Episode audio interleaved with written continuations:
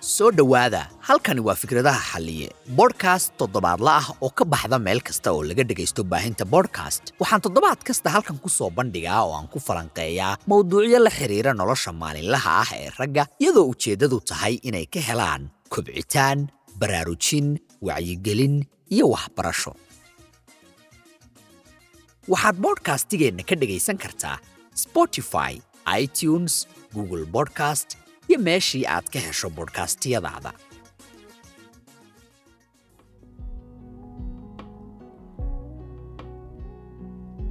kulan wacan dhegaystayaal. Soo dhowaada. Magacaygu waa xalliye. Sannad wanaagsan.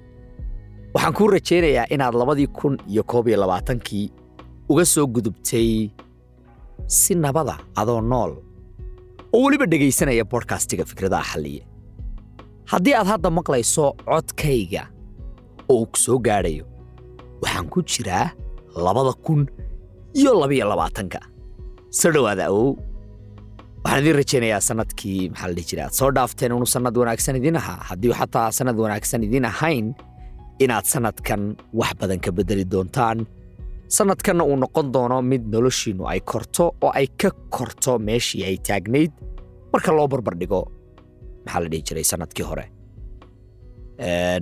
Mahmaha soomaaliya jirta oo dhahda haddii gugii kuugu darsamaaba uusan garaad kuu kordhinaynin geedka qoloftu ka dhacaysay adigu isku mid baa tihiin. Micnaha haddii mar kasta sannadkii uun isbeddelayo oo adigu aadan isbeddelaynin gaar ahaan ragga maadaama dhegaystayaashayda bodhkastigan iyo guud ahaan maxaa la dhihi jiray dadka igu xidhan ay yihiin laba xaniyoodlayaasha haddii aadan isbeddelaynin waxaa tahay dee waxba ma tihid waayo noloshii uunbaa isbeddelaysa iyo wakhtigii iyo maxaa la dhihi jiray hadday arbaco ahayd khamiis bay noqonaysaa haddii disembar ahaydna janawari bay noqonaysaa laakiin adiga nin ahaan waxba iskama kaa beddelayaan haddii sannadkii la soo dhaafayna wax saas aysan iska kaa beddelin waxaan kuu rajaynayaa inaad sannadkan qaadato maxaa la dhihi jiray ficilka oo aad dhaqaaqdo oo aad ka kacdo fadhiga oo aad beddesho noloshaada. Maalin kasta anigu waan dhahaa mar kasta waan koraynaa waxaadna ku koraysaa mar kasta inaad ku fakarayso inaad kortid maskax ahaan caqli ahaan aqoontaada waxyaabaha meeshaad maaragtay ka fiirinaysid waxyaabahaasoo dhan. Laakiin haddaad fiiriso guud ahaan bulshadeenna maba kornaba. labaatankii fikir la sheegaa la aaminsan yahay oo meeluusan u socdo aysan jirin. Waad aragtay badanaa soomaalida markaad la sheekaysato. Soomaalidu waxay dhahday soomaalidu waxay u noolaan jirtay soomaalidu soomaalidu soomaalidu. War adigu miyaadan koraynin niyow labadii kun iyo labiyo labaatankaad ii sheegaysaa wax la isticmaali jiray kun sagaal boqol iyo toddobaatankii mar kastana waan ku dhahaa laba xaniyoodlayaasha. Dhibaato kastoo casriya waxay u baahan tahay xal casriya. Labada kun iyo labiyo labaatanka waxyaabaha jira iyo xaaladaha taagan markay dhinac kasta imaato markay imaato dhaqaale ahaanta markay imaato maskax ahaan markay imaato ragga nool markay imaato naaguhu siday yihiin dhinac kasta wuu beddelan yahay waa weyn baa u dhexeeya farqi weyn baa u dhexeeya yno waxaadna u baahan tahay inaad isbeddeshid nin ahaan oo aadan meeshii taagnaanin i know isbeddelku waa adag yahay isbeddelku maaragtay raaxa ma aha isbeddelku xanuun badan yahay. Fahmusa shantii sanee la soo dhaafay buulshidkaad aaminsanayd baad beddelaysaa. Daanyarnimadii baad beddelaysaa lahaystanimadii baad beddelaysaa naagaha sidaad uga fakaraysaad beddelaysaa dhaqaalaha sidaad uga fakaraysaad beddelaysaa. Ma fahmusa soo badanaana waxaa waaye dad badan maadaama isbeddelku xanuun badan yahay waxay ka door bidaan psychology ahaan inay iska fadhiyaan meeshii waayo meeshii aad la qabsatay waa iska raaxa moogta. Haddii maxaa la dhihi jiray aad la qabsatay inaad maalin kasta soo kacdo xilli dambe way kugu adkaanaysaa marka lagu dhaho isbeddel oo subaxii alasayda soo kac waana kugu qasab. Marka qofkii wuxuu dooranayaa un inuu iska fadhiyo maaragtay meeshii inuu iska fadhiyo oo halkii iska taagnaado ma rabo inuu meel kale u dhaqaaqo. Mar marka ay noloshaadu wanaagsanaanayso natiijooyinka fiican aad helaysid waxaa waaye mar kastoo aad isku daydo inaad samayso wax horey aadan u samayn jirin. Haddii aad jiimka aadi jirtay laba beri shan beri ka dhig.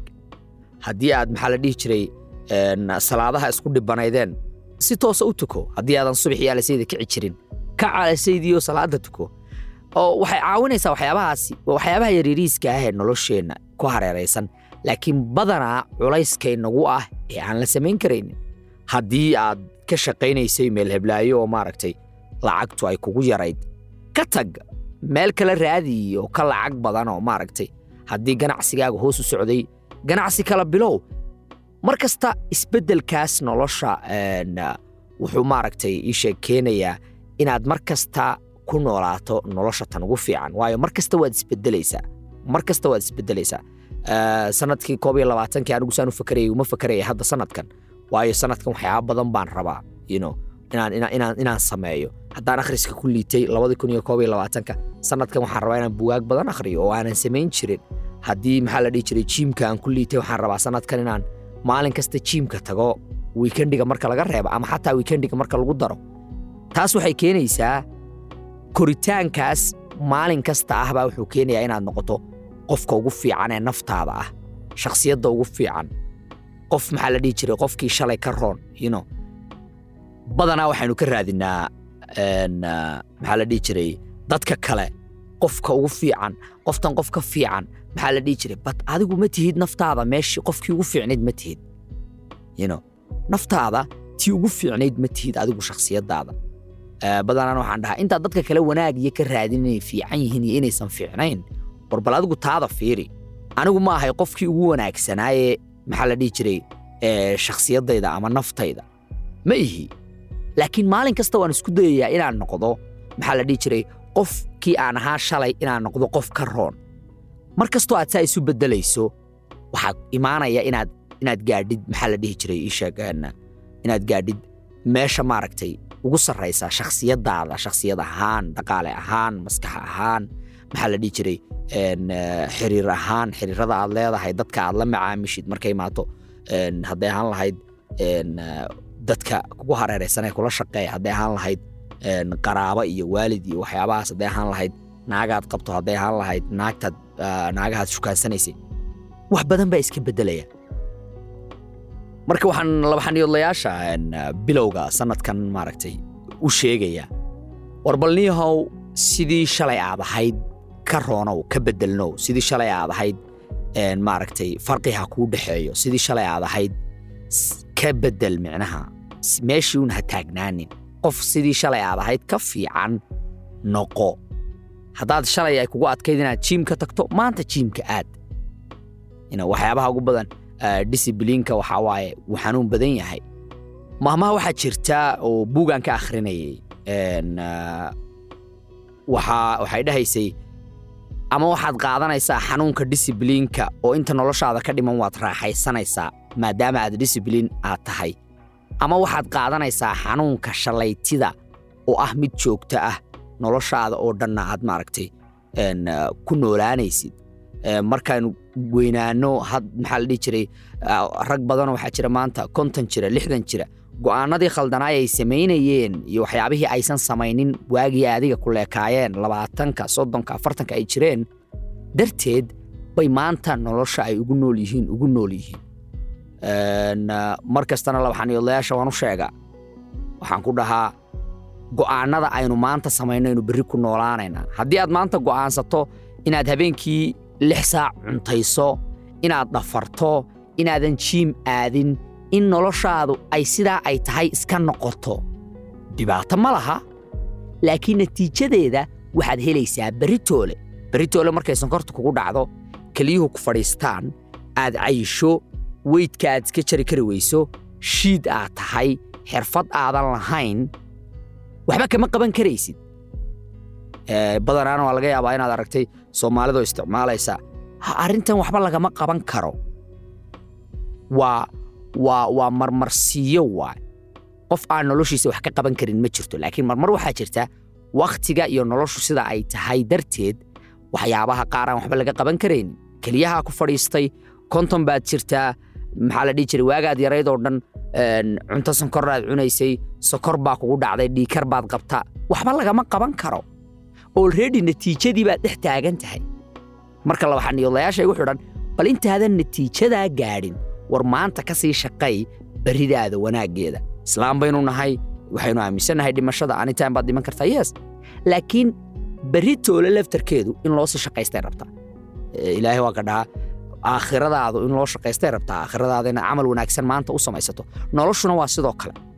Maanta haddaad camal wanaagsan sii shaqaysato berri tooluu ilaahay kugu abaalmarinaya laakiin maanta haddii aad wax allaale dabeecado xun oo dhan aad samaysid boon aad daawatid siigaysatid jiim aadan aadin cayishid cunto maxaa la dhihi jiray tuumaaja aad cuntid.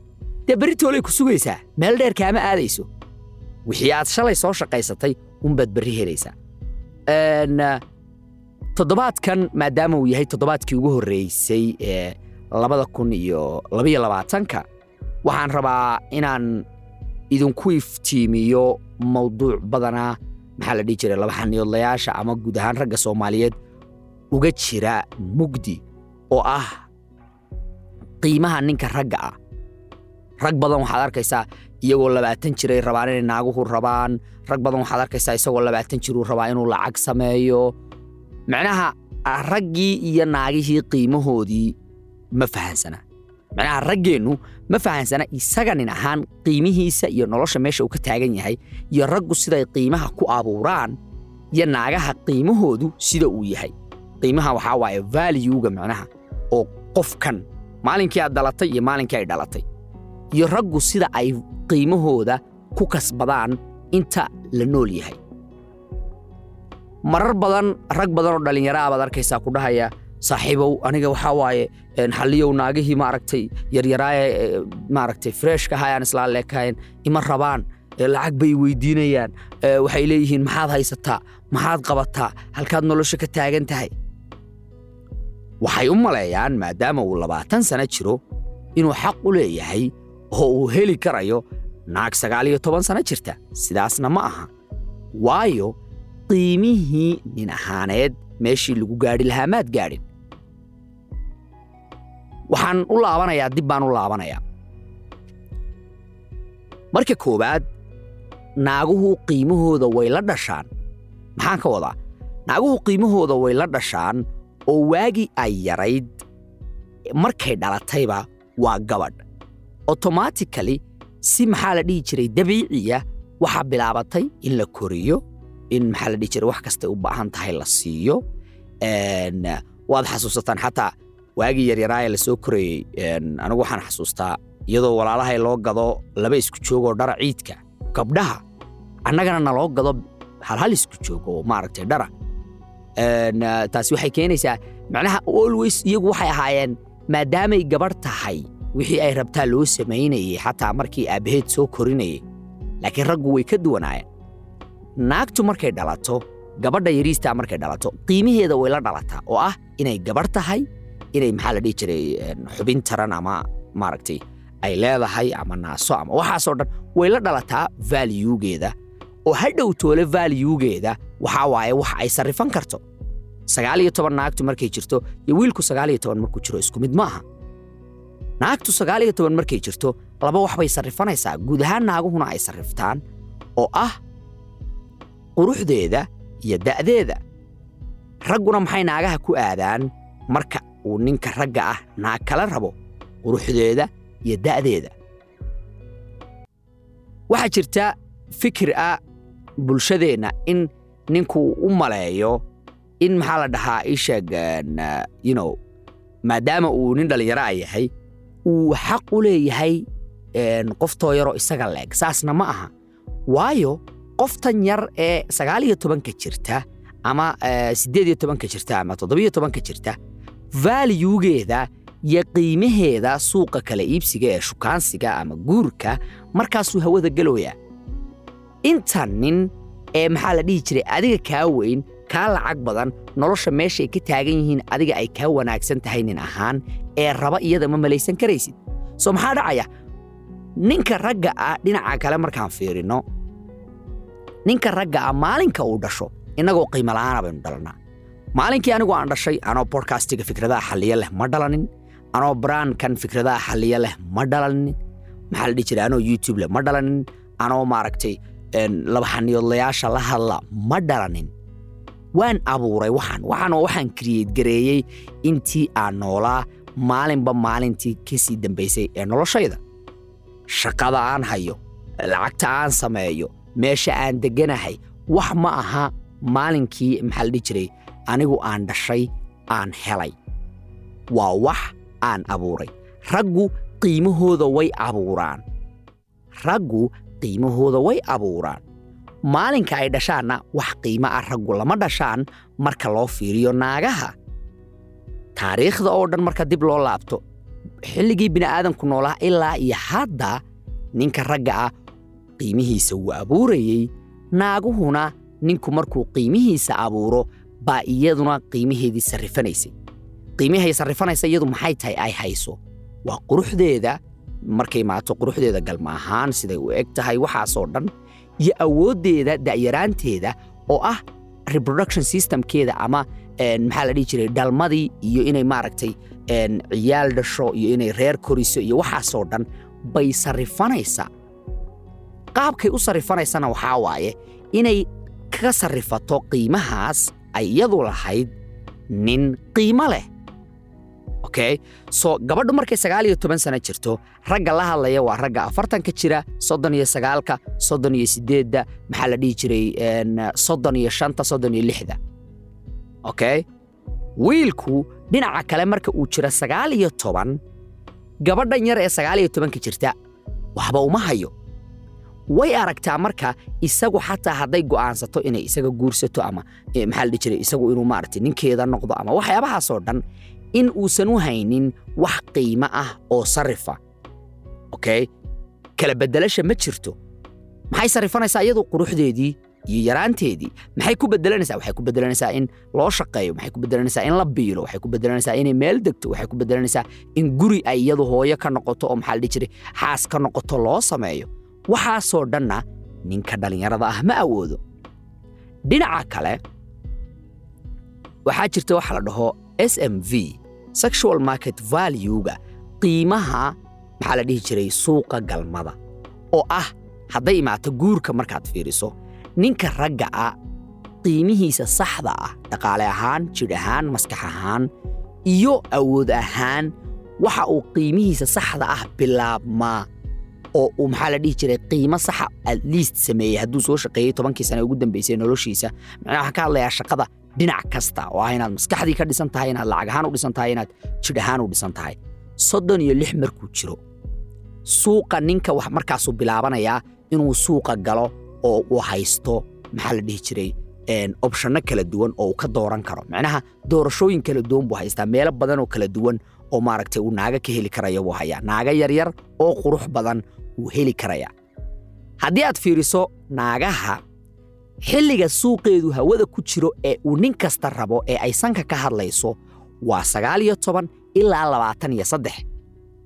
Daraasadihii ugu dambeeye weliba waxay sheegayaan ragga oo dhan waxay maxaa la dhihi jiray naag soo jiidasho leh oo lala macaamili karo oo quruxdeeda iyo da'deeda la sarrifan karo ay isku fahmaan waa ninka ugu yaree shan iyo toban sano jira ilaa odayga sagaashan sano jira. Naagtu markay tahay labaatan iyo saddex. Waa siddeed iyo toban labaatan ilaa labaatan iyo saddex sagaal iyo toban ilaa labaatan iyo saddex toddobiyo toban ilaa labaatan iyo saddex. Naagta markaas suuqeedu hawadu ku jira. Labadii shay ee aan idiin soo sheegay ee ahaa inay sarrifanayso qiimaheeda iyo maxaa la dhahaa quruxdeeda iyo waxay sarrifanaysaa iyo da'deeda labadiiba way joogtaa. Ninka ragga ah laakiin sagaal iyo toban markuu yahay wax uu kala og yahay ma jirto markaasuu bilaabayaa nolosha waa wareersan yahay. Waxba saasa ma fahansana gurigii hooyadii buu joogaa wax qiimo ah oo uu ku gato maxaa la dhihi jiray naagta sagaal iyo tobanka ama siddeed iyo tobanka jirta ma hayo. Maxaa dhacaysa marka? Isagu waa qiimihiisi inuu dhiso. Raggana adduunyada oo dhan adduunweynaha oo dhan ragga soomaalida keliya ma aha adduunweynaha oo dhan ragga waxaa lagu qiimeeyaa waxa ay maxaa la dhihi jiray miiska soo saarayaan oo ah biilka oo ah ammaanka oo ah maxaa la dhihi jiray difaaca oo ah maaragtay in nin uu joogo meeshii naagtu mar waxay rabtaa ninka ay isku aamini karayso isku aamini karayso dhaqaale ahaan isku aamini karayso maskax ahaan inuu ka wen yahay oo uu maamuli karo oo uu garanayo waxa uu samaynayo isku aamini karayso meesha uu nolosha uu ka taagan yahay beritoole waayo ciyaal bay dhalaysaa maxaa la dhihi jiray ilmay korinaysaa waxaasoo dhan naaguna waxay jecel yihiin raaxada oo ah inay wax allaalo wixii maaragtay ay u baahan tahay ay ka helayso ninkaas. Sidaa daraaddeed waxa ay sarrifanaysaa quruxdeeda iyo da'deeda. Meeshaa ma isla fahanay imaanna marka laba xaniyoodlayaasha. Laba xaniyoodlayaasha s m v-gooda ama sexual market valuegooda wuxuu bilaabmaa da'doodu markay tahay soddon iyo lix. Ninkaasi waa ninkii soo shaqeeyey labaatan sano jirkiisii oo dhan isi soo dhisay naag aan raadinin danihiisa raacday oo isagoo ciyaal la'aana isdhisay maskaxdiisu shaqaynayso dhaqaale ahaan u diyaarsan. Soddon iyo lix markuu gaadho ilaa soddon iyo siddeed bay bilaabataa qiimihiisa maxaa la dhihi jiray sexual market valuegiisa s m v-giisa qiimihiisu markaasuu ninka raggaa bilaabmaa qiimahaas marka isagu lamuu dhalanin. Naagtu qiimihii way la dhalatay. Soo qiimaha marka waa inaad soo dhisto.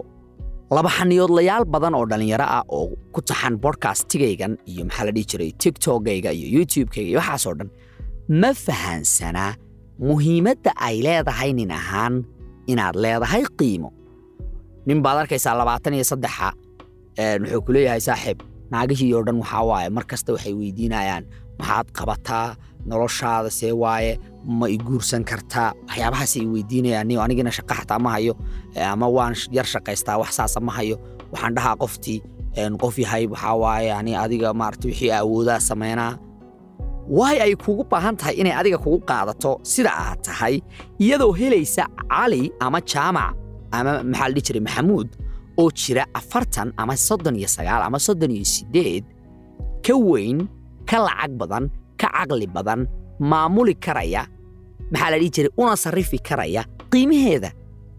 Mar kastoo ay kula macaamilayso waxay fiirinaysaa qiimaheeda yaa u sarrifi karaya. Waa sida aad u tagto maxaad samaysaan haddaad haysato lacag yuuro ah adoo maraykanka jooga markaad sarrifanayso waxaad fiirinaysaa yaa isiinaya the best deal. Fahmaysaa qiimaha ugu fiican yaa iigu beddelaya lacagtan oo iigu sarrifaya doolar baad wadataa waxaad rabtaa inaad ka dhigto lacag yuuro waxaad isweydiinaysaa sarriflaha ama maxaa la dhihi jiray platformka ii sarrifaya lacagtan ee igu sarrifaya qiimaha ugu fiican ee aan ku heli karayo waa halkee meesha koowaadaad tagto haddii lagu dhaho halkii doolar ee maraykana waxaa lagugu beddelayaa lixdan senti oo yuuro ah waxaad leedahay maya meel ka fiican baad raadinaysaa adoo og obshannadaas obshannadaas kale inay bannaanka yaallaan ama maxaa la dhihi jiray jaanisyadaas kale iskama dayacaysid. Naaguhuna waa sidaasoo kale. Sagaal iyo toban markay tahay waxay og tahay inay yar tahay quruxsan tahayna freshna ay tahay. So iyada oo arkaysa maxaa la dhihi jiray sarriflayaal waaweyn oo u sarrifi karaya waxan oo vaaliyu fiican ugu beddeli karaya maadaama vaaliyugi iyo qiimihii ay hayaan. Waay adiga oo labaatan iyo saddexa ama labaatan iyo afar ama labaatan iyo laba ah ay kuu siinaysaa oo ay iskaga qancaysaa. Okay? Waxaa dhacaysa marka waa wareegto s m v-ga. Naagta mar kasta oo ay yar tahay oo ay qurux badan tahay waa mar kasta oo suuqaas kala iibsiga ama maxaa la dhihi jiray sarrifka ama s m v-ga ee naagaha ay ka heli karayso jaanis fiican oo ay ka hesho nin iyada maxaa la dhihi jiray la noolaan karto. Dhinacan kale markaan fiirino naagtu mar kasta oo ay weynaato waa mar kasta oo ay weynayso jaanisyadii badnaa ee ay haysatay markii ay yarayd. Sidaa daraaddeed baad u arkaysaa naagtu markay labaatan iyo sagaal jirto iyo markay sagaal iyo toban jirto way kala tahay. Naagtu sagaal iyo toban markay jirto xataa kulama hadlayso afkay buuraysaa.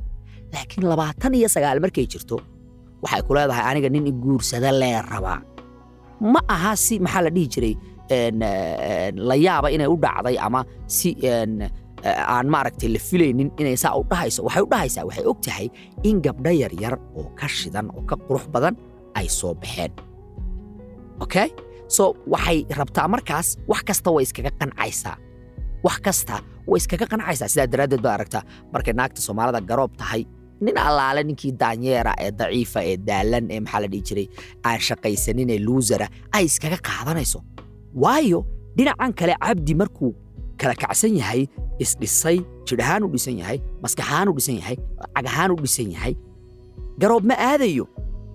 Rag badanna waxa aysan fahamsanayn waxaa waaye qiimihiinna inaad dhistaan waaye si marka aad qiimahan dhisto aad u hesho jaanisyo badan oo ah naago oo naago badan oo yaryar oo quruxsan oo adiga nin ahaan nin kuu arkaya waad helaysaa waad heli karaysaa laakiin ragga badankooda qaladaadkay sameeyaan waxaa waaye isagoon qiimihiisii isdhisin isagoon dhisnayn maskixiyan jidh ahaan dhaqaale ahaan iyo khibrad ahaan intaba buu wuxuu rabaa inuu naag madaxa la galo. Waxaad arkaysaa labaatan iyo afar sano jir maxaa la dhihi jiray iskaga iskaga la gelaya madaxa naag garooba afartan sano jira. Okay naagtan garoobta iyadu waxa ay ka dayrinayso ma jirto. Qiimaha haddaad leedahay iyo haddaadan lahaynna kama dayrinayso waayo iyadu jaanisyo kalemaba haysataba laakiin naagta yar sababta ay kuu leedahay baraada maxaad haysataa aniga noloshayda maxaad ka bedeli karaysaa? Waxaa waaye jaanisya badan bay haysataa. Raggeenna soomaalida badankooduna ma fahansana s m v-ga waxaani waa sidii ilaahay noo abuuray. Waana cilmi u baahan in la barto oo la fahmo. Sidaa daraaddeed baa anugu halkan ugu taaganahay oo aan diyaaru la ahay bal inaan ku fahansiiyo wuxuu siday yihiin. Tusaale haddii waagii aad labaatan sano jirka ahayd aad maxaa la dhihi jiray la hadashay naag sagaal iyo toban sano jirta. Oo ay ku dhahday sooy baraada kuma rabo oo aad ka tagtay isdhistay jidh ahaan isdhistay xirfad ahaan isdhistay shaqo ahaan isdhistay maskax ahaan iyo mindsetkaaga adigu aad is adkaysay alfa meel iyo red bill aad noqotay oo nin adag aad noqoto qiimihiisa yaqaana. Gabadhii aan dhahno waxaad aragtay iyadoo jirta soddon la soo furay hal canug leh. Maxay ku dhahaysaa? Waan kuu soo laaban karaa hadda. Ma aha inay kuu soo laabanayso oo ay kugu soo laabanayso rabitaan ay adiga ku rabto. Marar badan bay dhacday rabitaan adiga ay ku rabto ma aha ee waxa hoos galay oo dhulka galay oo hoosudhac badan ku yimi qiimihii ay ku lahayd suuqa oo ah jaanisyo kale ma haysato. Daadsawaay baad aragtay marar badan inaad maxaa la jiray maqashayna. In naagaad shukaansan jirtay marka ay garoob soo noqotay ay adiga kuu soo laabato adoo nolosha meel kale ka joogo fiican. Oo ay ku dhahdo hadda waa isku laaban karnaa wixii dhacay way dhaceen iga raalli ahow maxaa la dhihi jiray weli waan ku jeclahay iyo buulshidkaasoo dhan. Ma aha inay weli ku jeceshay inay ku rabto iyo inay dankaa leedahay ee suuqiibaa soo dhacay qiimaha ee kala iibsiga.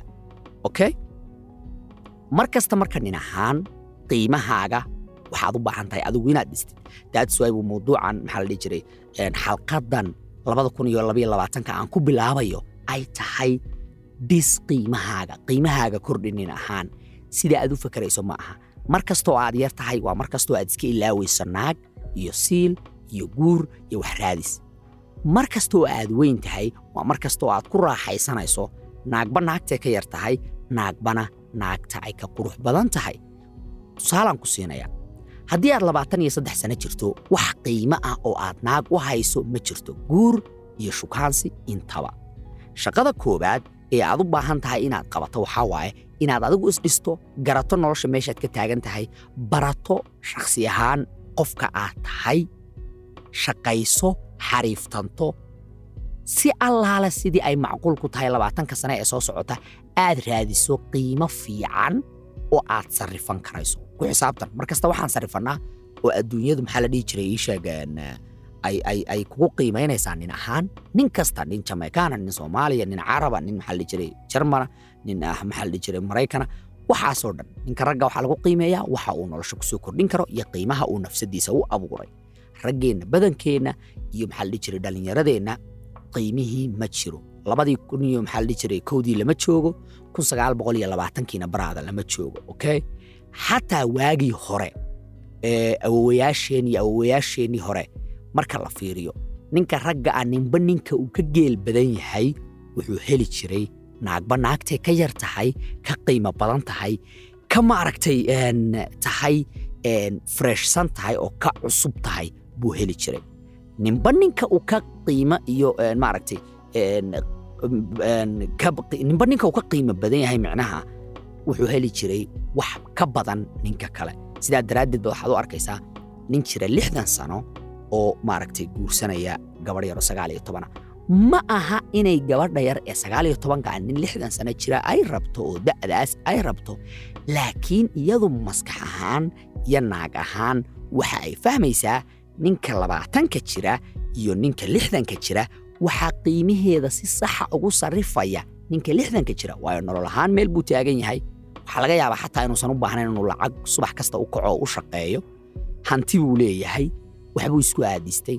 Qiimo ahaan waa dhisan yahay. Inkastoo raggeennu markay lixdan ay jiraan jidh ahaan ay maaragtay daalan yihiin laakiin waa wax u baahan in la barto oo la dhiso.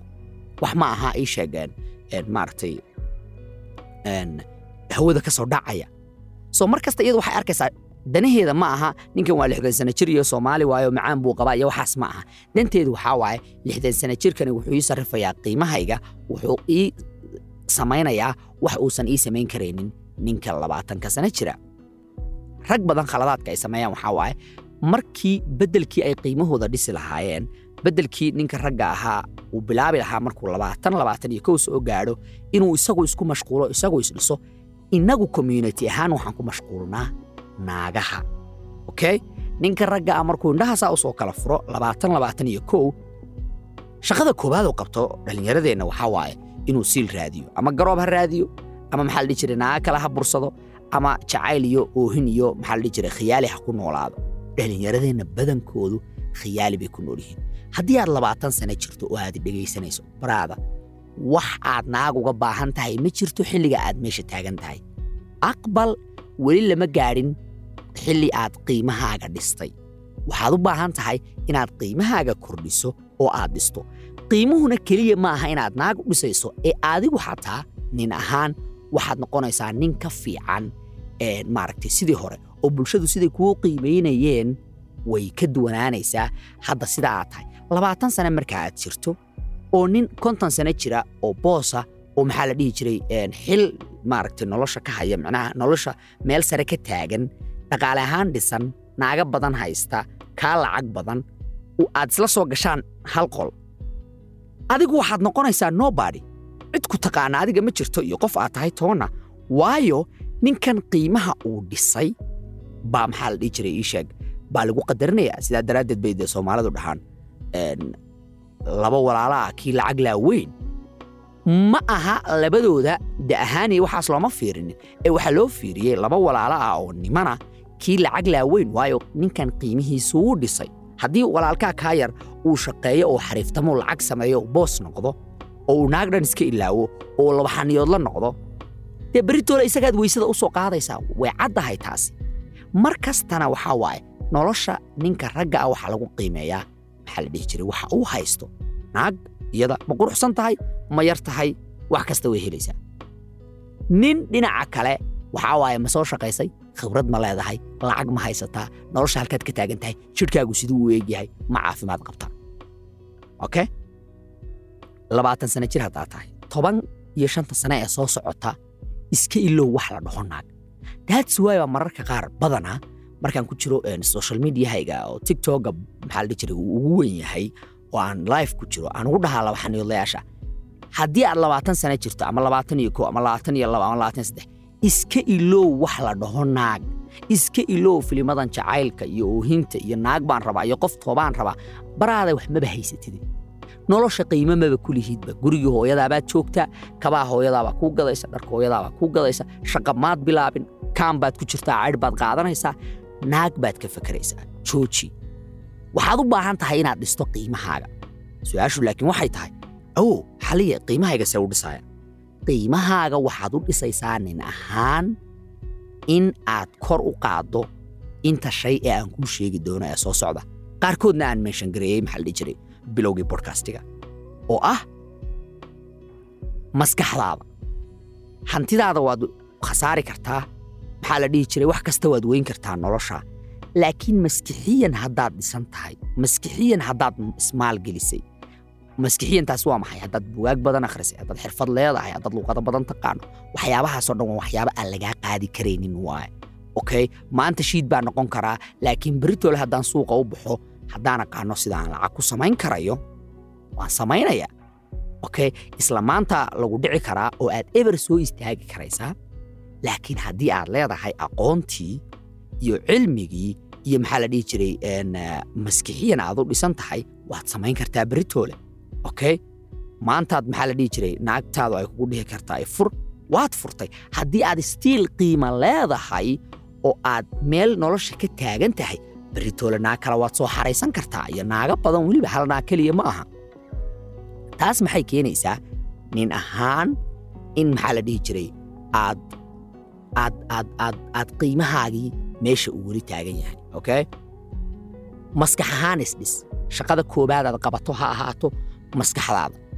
Marar badan anoo dhahayaan waad iga maqasheen laakiin waan idiin sheegayaa laba xaniyood layaasha lacagteeda ugu badan waxaan ku bixiyaa buugaag iyo kabo. Okay meel ku qorta. Lacagteeda ugu badan xalli ahaan waxaan ku bixiyaa buugaag iyo kabo.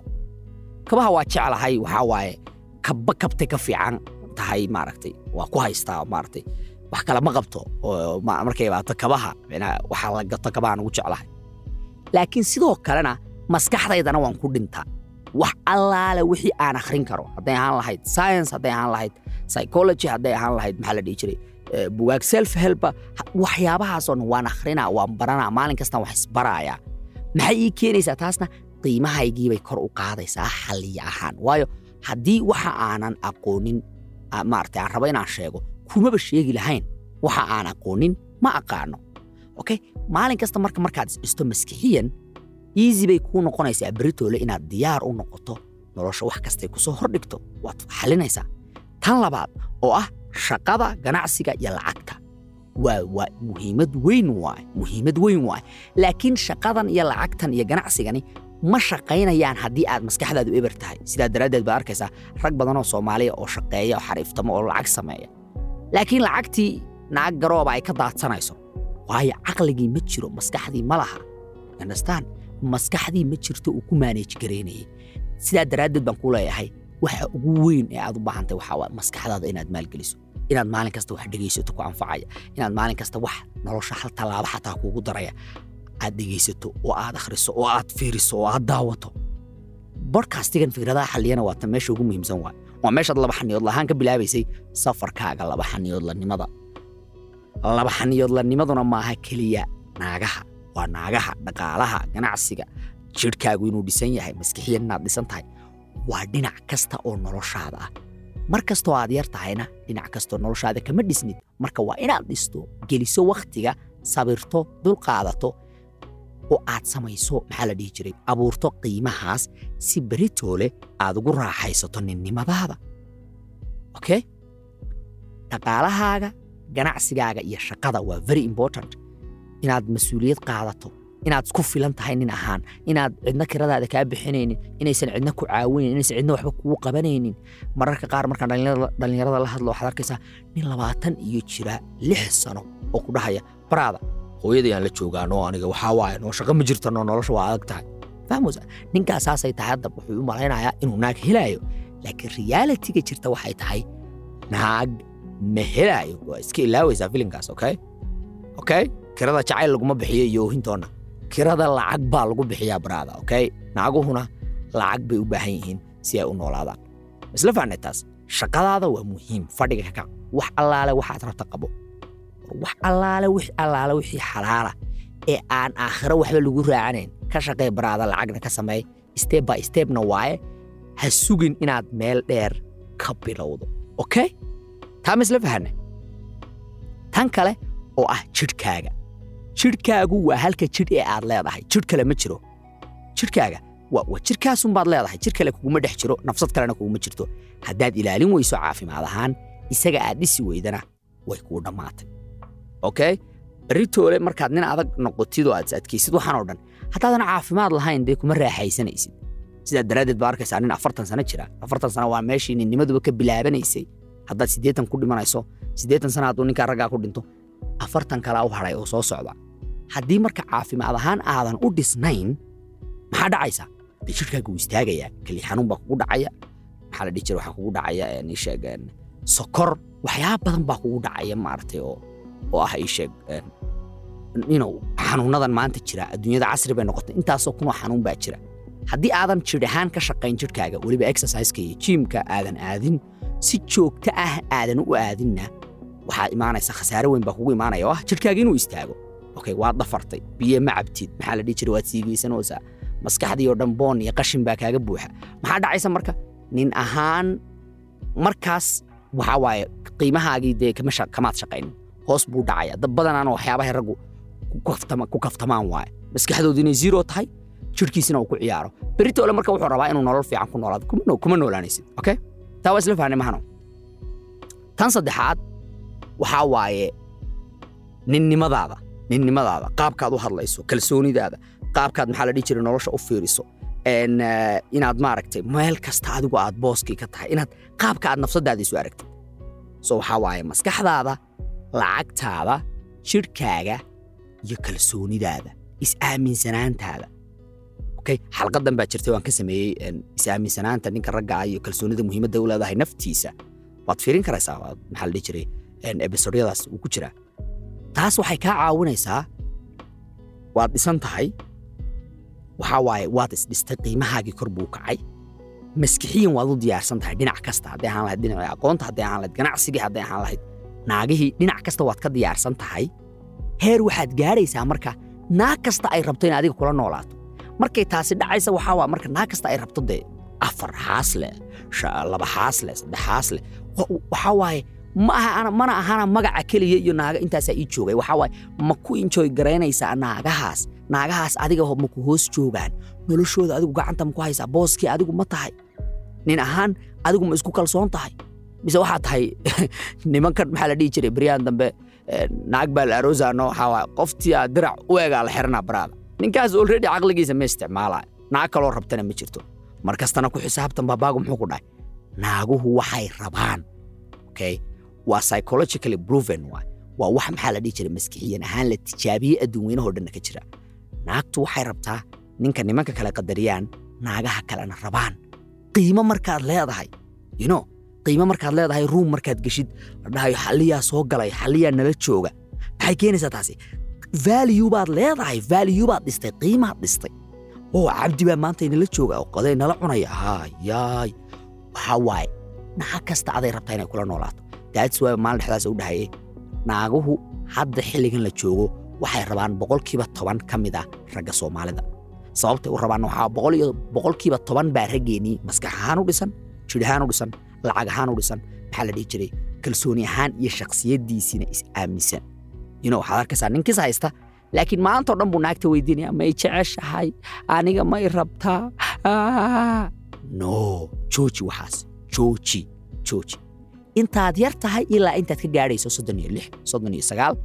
Isdhis iska ilow society-ga iyo bulshadu waxay kuu sheegaysa oo ah hadda guurso waa inaad dhaqso guursataa ninka raggaa waa guur noloshoo dhan guur bay ka bilaaba been been been been been brada jooji waxyaabahaasoo dhan waa fikradaha maanta rag ahaan inaan reebay waay understand? In la guursado waagii hore maybe inay ahayd darajo la gaadho laakiin 2022 qarniga koob iyo labaatanaad darajo ma aha. Qarniga koob iyo labaatanaad waa qiime. Halkaad nolosha ka taagan tahay meeshaad nolosha ka taagan tahay baa markanaad naagahan soo xaraynayso aad naagtan guursanayso tan keenayso tan keenayso. Waa egastara waa waa bonus waay macnaha waa waa dheeri. Understand? Labada kun iyo labaiyo labaatanka naaguhu waa dheeri. Laakiin waxa aan dheeri ahayn ee muhiimadda ah ee darajada ah waa meesha aad qiimahaaga geyso nin ahaan waa meesha aad ka taagan tahay nolosha okay mar kasta tan ugu muhiimsan mar kasta si qiimahaagu u sii kordho oo qiimahaagu u kaco nin ahaan intan aad ka shaqaynayso broseskan oo dhan oo aad isdhisayso xasuusa mid kale adiga nin ahaan cid kaama muhiimsana cid kaa muhiimsan ma jirto hadday ahaan lahayd danayn hadday ahaan lahayd labis hadday ahaan lahayd inaad wax gaddo hadday ahaan lahayd lacagtaada inaad cunto cid kaa muhiimsan ma jirto jeclow naftaada. Daats waa baan ku dhahay de bugaagta adduunka yaalloo dhan iyo kabaha adduunka yaalloo dhan anigu waan waan u qalmaadee anaan raba dee aniga qiimahaas anaa anaa samaystay nin ahaan yino cid kale iskama hormarinayo adoo kabala'aana naag iska dhaaf inaad wakhti ku bixiso. Adoon isdhisin iska ilow naag wakhtigaaga adigu isku bixinin ahaan adigu wakhtigaaga isgeli qiimaha adiga waayo braiska iyo maxaa la dhihi jiray nolosha cidda kor loo fiirinayo adiga waayo naagihii oo dhan waxay rabaan nin ay kor u fiiriyaan. Thats why aan ragga ugu sheego naag baan la socdaa. Wallaahi bajadna uma hayo. Waxaanoo dhan waxay kugu sugaysaa inta ninka laba xaniyoodka ah ee baabaagow kale ah uu imaado. Ninka dhaqaal ahaan dhisan maskax ahaan dhisan jir ahaan dhisan caqli ahaan dhisan haye? Salaamu calaykum markuu ku dhaho way garanaysaa ninkan inuu yahay. Ninkii maxaa la dhihi jiray nolosheeda inta ka dhiman baaba ay ku dhihi lahayd sidaa daraaddeed waa aragtay naaguhu markuu ninku qiimo sare leeyahay xataa hadal ma gelinayaan ilama guursan kartid iyo nin soomaali wuu guursanayaa iyo berriyuu kaa tegaaya filimadaas ma jirto. Noloshaadaad ku noolaanaysaa naaga laale naagtaan rabana waan soo xaraynaya waayo waxay og tahay haddii ay iswaalwaasho soy baad ku dhahaysaa qiimahaagina waxba isma kama beddelayaan naag kalaadna ku soo beddelaysaa so way og tahay mar iyada inay tahay wax la beddeli karayo adigana qiimahaagii wuu sarreeyo. Laakiin haddaad nin qiimo hooseeya tahay oo faarax maxaa la dhihi jiray jileec aad tahay oo daanyaryare aad tahay oo lahayste aad tahay dee kamaba tegi karaysidba kamaba tegi karaysid. Anigu marka maxaa la dhihi jiray qiimahaygu uu kor joogo waxaan rabaa jaanisyada ii bannaan oo dhan inaan gargaraaco albaabadan layga soo wada dhoweynayo o dhan inaan gargaraaco naagba naagtay ka yar tahay naagba naagtay maxaa dhihi jiray ka qurux badan tahay ka caqli badan tahay inaan la noolaado? Okay taas waxay ii keenaysaa. Lacagtaydii way koraysaa ilmahaygina way korayaan debraada understand? Markaad qiimo sare yeelato nin ahaan meel adag aad istaagto meel fiicanaad nolosha ka taagan tahay dad baad u baahan tahay. Dadkaas sidaad ku abuuraysaa naaga badan. Naaga badan baad u baahan tahay. Tan lix ha dhasho tan sagaal ha dhasho tan toban ha dhasho. Waxaasoo dhan wax lagu koriyaad haysaa ino bajadkii baad haysaa qorshihii baad haysaa. Master balaankii adiga waay ragga intaa samayn kara ee nolol noocaasa ku noolaan karana waa rag yar waa. Waxaan rabaa inaad ka mid noqotid raggaas ku raaxaysta noloshooda. Maxaa la dhihi jiray? Iyagoo caafimaad qaba iyagoo qiimo sare leh iyagoo lacag haysta iyagoo jidhkoodu dhisan yahay. Laakiin shaqay u baahan tahay wakhti bay u baahan tahay. Waxay u baahan tahay practice waxay u baahan tahay dedication iyo maxaa la dhihi jiray? Inaad u hurtid nafsadaada. Inta aad yar tahay aad isdhistid soddon iyo lix iyo soddon iyo siddeed iyo soddon iyo sagaal wixii xagga ka aad ku raaxaysatid. Midhihii aad maxaa la dhihi jiray ii sheeg aad soo beeratay. Okay markasta anigu ragga waxaan dhahaa beerta inta aysan soo bixin waxaa la sameeyaa siidh baa lagu daadiyaa waa la sugaa waa la biyeeyaa kadib bay soo baxdaa. Ragguna waa sidaas oo kale. Ninka raggaa intuusan qiimo yeelanin ninka raggaa intuusan noloshiisa meel ka istaagin waa inuu siidhkaas iyo maxaa la dhihi jiray midhahaas aaso markuu aaso biyeeyo kadib buu guranayaa. Maxaa la dhihi jiray? Iisheeg natiijadii iyo midhihii macaana. Iskama guranaysid? Rag badanna sidaa ma samayn karaan okay? Rag badan maanta waad arkaysaa isagoo labaatan iyo shan sano jira. Habar garooba afar canug wadatuu iskala nool yahay. Waayo qiimo ma laha. Ma dhisna isagii. Wax uu hayo ma jirto. Habartanna sidii waxay iskaga isticmaalaysaa. Maxaa la dhihi jiray? Caaga camal baa loo isticmaalayaa waxaa waaye saarta haddii laga helo bes waa wax qiimo ah ma laha. You know, that's, that's why waad u arkaysaa raggeenni maanta uu ku leeyahay nin garoob baan iska guursanayaa wallaahi bilaat no ma aha inuu garoob jecel yahay ma aha inuu rabo inuu garoob maxaa la dhihi jira la noolaado. Ee valuegii ma abuuri karayo waa lazy waaye waa daanyeer know shortcut buu rabaa. Mar kasta awow laba xaniyood leesha labada kun iyo labiyo labaatanka wadda gaaban ma jirto. Noloshoo dhanna wadda gaaban ma jirto. Mahmaa waxaa jirta englishoo dhahda.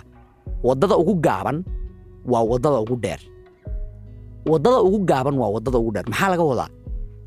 Halka qaab ee nin ahaan aad ku dhismayso waa inaad wakhti geliso inaad qiimahaaga dhisto. Qiimo lamaad dhalanin baraada zero baa tahay.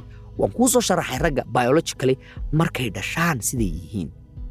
Jooji waxaasoo dhan qiimahaas dhisitaankiisii ka shaqeey hal wadda bes baa jirta oo ah waddada dheer inaad qaadid oo ah waddada ugu dhow waddada ugu dhow waa waddada ugu dheer waayo haddaad isku daydid luuqluuq inaad martid berri toole god baad gelaysaa sidaa daraaddeed baad arkaysaa maanta dhallinyaradeenna iyo maxaa la jiray ragga go'aanada raggii sameeyey waddada gaaban ee shoodkadka galay ee gaagaabay isdhahaya waa ku baashaalaynaa maanta lixdan bay jiraan konton bay jiraan toddobaatan bay jiraan waxa ay hayaanna ma jirto nolosheedu wax qiimo ah ma laha value ma laha ciyaalkii xataa ahi maxaa la dhihi jiray? Naagaha daalan ka dhaleen sooy bay ku dhaheen. Ilmo maxaa la dhihi jira xataa oo maamuli kara ma haysto.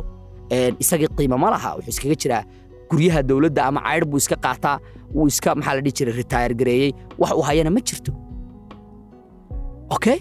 So mar kasta nin ahaan u noolow nolosha aad rabto inaad berri ku noolaato. Haddaad rabto inaad berri ku noolaato nin maxaa la dhihi jiray laba xaniyooda nin laga dambeeyo nin maxaa la dhihi jiray xushmad leh nin qarash haysta nin maxaa la dhihi jiray nolol fiican ku nool berri. Haddaad rabto inaad u noolaato markaad lixdan sano jirto waxaad u noolaataa maanta markaad labaatan sano jirto inaysan adduunyada naag ku noolayn. Iska ilow naag. Haddaad xataa labaatan iyo shan jirto haddaad soddon jirto haddaad soddon iyo shan jirto rag badan oo dhalinyara waxaa jira soddon iyo lix soddon iyo toddoba iska ilow bareesharkaa waa inaad naag guursato. Adigu isdhis adigu wakhti isgeli adigu dhaqaale ahaan u dhisno adigu maskax ahaan u dhisno adigu qarash ahaan iyo qiimahaaga nin ahaan kor u soo qaad. Maalinkaa intaa kor u soo qaado naag problem ma noqonayso. Xataa kama wada hadlayno.